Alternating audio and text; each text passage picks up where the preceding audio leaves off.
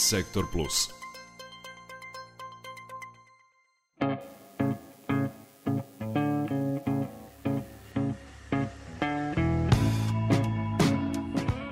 Kako prevazići dalje postojeći otpor poslodavaca prema zapošljavanju osoba sa invaliditetom i svima omogućiti jednak pristup zapošljavanju? Šta je potrebno učiniti da bi osobe sa invaliditetom stekle veštine neophodne na tržištu rada i da bi bile radno angažovane?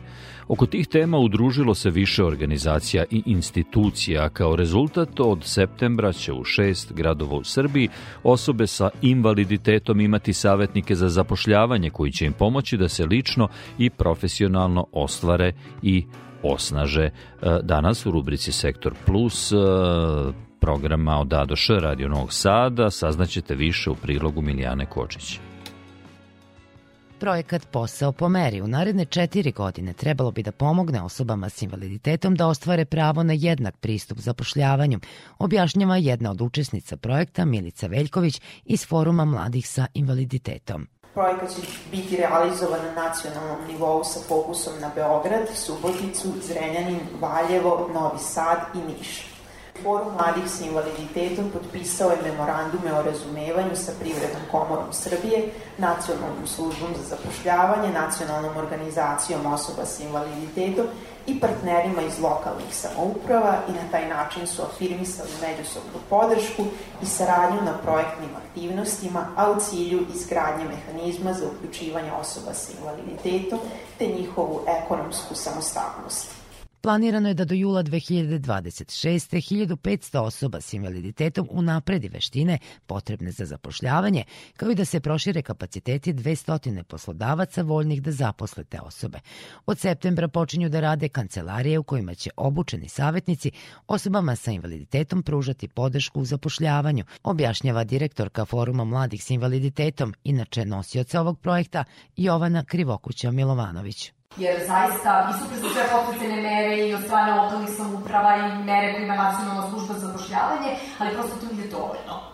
Dakle, mi moramo da radimo direktno sa osobama sa invaliditetom na njihovom osnaživanju, dakle, da ih učinimo jačim za tržište rada, da oni više da ponude zapravo uh, na, na tom tržištu rada. Uh, pri tome nisu to samo, da kažem, obuke, to je i psihosocijalna rehabilitacija sa mnogim osobama sa invaliditetom, mora da se radi i na, da kažem, ličnom osnaživanju, mentalnom pre svega, jer prosto barijere u našem društvu su i dalje i tekako velike i osobe sa invaliditetom se suočavaju sa ovim barijerama, što nekad može vrlo da dovede, da kažem, do povlačenja u sebe i do uh, nedostatka samopouzdanja. Tako da ćemo mi kroz ovaj projekat vrlo raditi, dakle, sa osobama sa invaliditetom, kako na ovom ličnom osnaživanju, tako i na sticanju određenih kompetencija, kroz različite vrste i obuka, um, radne prakse, karijernog vođenja i savjetovanja, kao što sam pomenula, psihosocijalne rehabilitacije.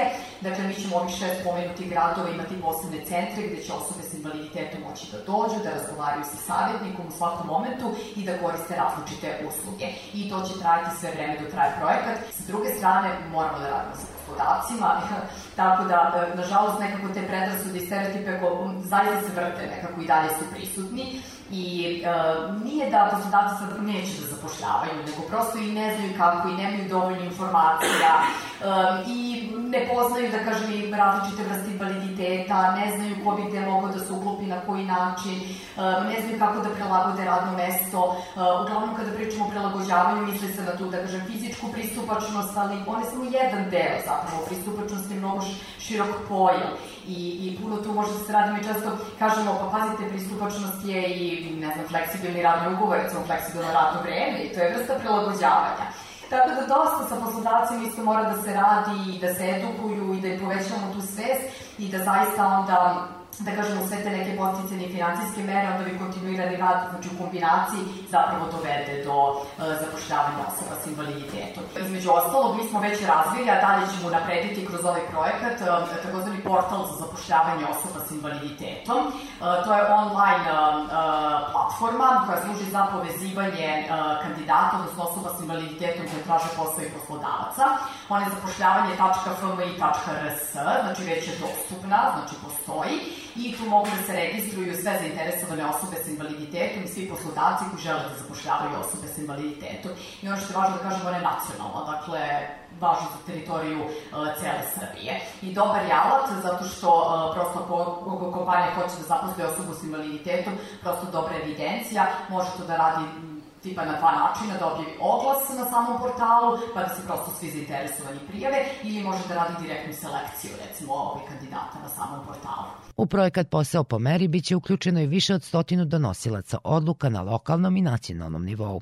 U Novom Sadu, jednom od šest gradova u kojem se sprovodi projekat, već postoje brojne mere i programi koji su dali pozitivne efekte, ističe načelnica Gradske uprave za socijalnu i dečju zaštitu Lidija Tomaš. U ovoj godini već je planirano osposobljavanje 55 mladih osoba sa invaliditetom za radno angažovanje kod poznatog poslodavca.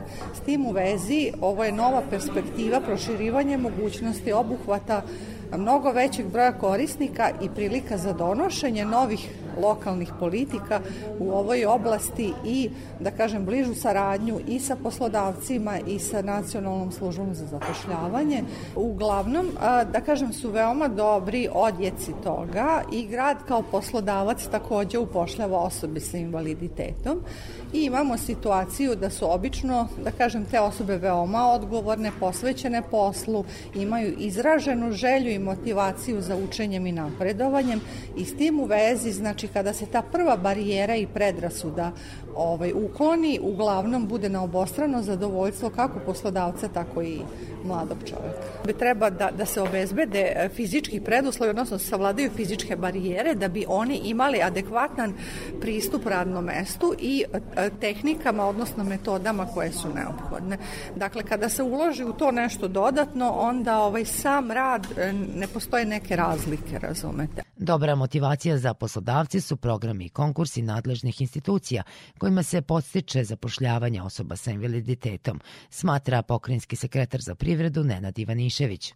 Pokrin sektorijat u svakom svom konkursu prednost daje privrednim subjektima koji imaju zaposlene osobe s invaliditetom, tako da smo mi preko 100 miliona dinara dali upravo tim subjektima koji su iskazali tu, ajde da kažem, društvenu odgovornost, a naša ideja jeste da evo i danas o tome pričamo i da u našem novom programu prekvalifikacije i dokvalifikacije u IT sektoru koji kreće od sledećeg meseca posebno me, posebna mesta za besplatnu prekvalifikaciju do kvalifikaciju odvojimo za osobe s invaliditetom da bi mogle da steknu praktična znanja u oblasti IT-a i samim tim se zaposle. Jer mislim da je to nešto što je najkorisnije kada omogućimo e, osobama s invaliditetom da steknu kvalitetnu e, obuku, odnosno edukaciju za praktične veštine, odnosno da mogu odmah da se zaposle. Prema oceni naših sagovornika, zakon o profesionalnoj rehabilitaciji i zapošljavanju osoba s invaliditetom, koji propisuje obavezno angažovanje jedne osobe s invaliditetom na 50 zaposlenih ili plaćanje penala državi, bio je prvi i nužan korak za veće uključivanje osoba s invaliditetom u tržište rada. Međutim, kako ističu, u svakom društvu ima 10 od osoba sa invaliditetom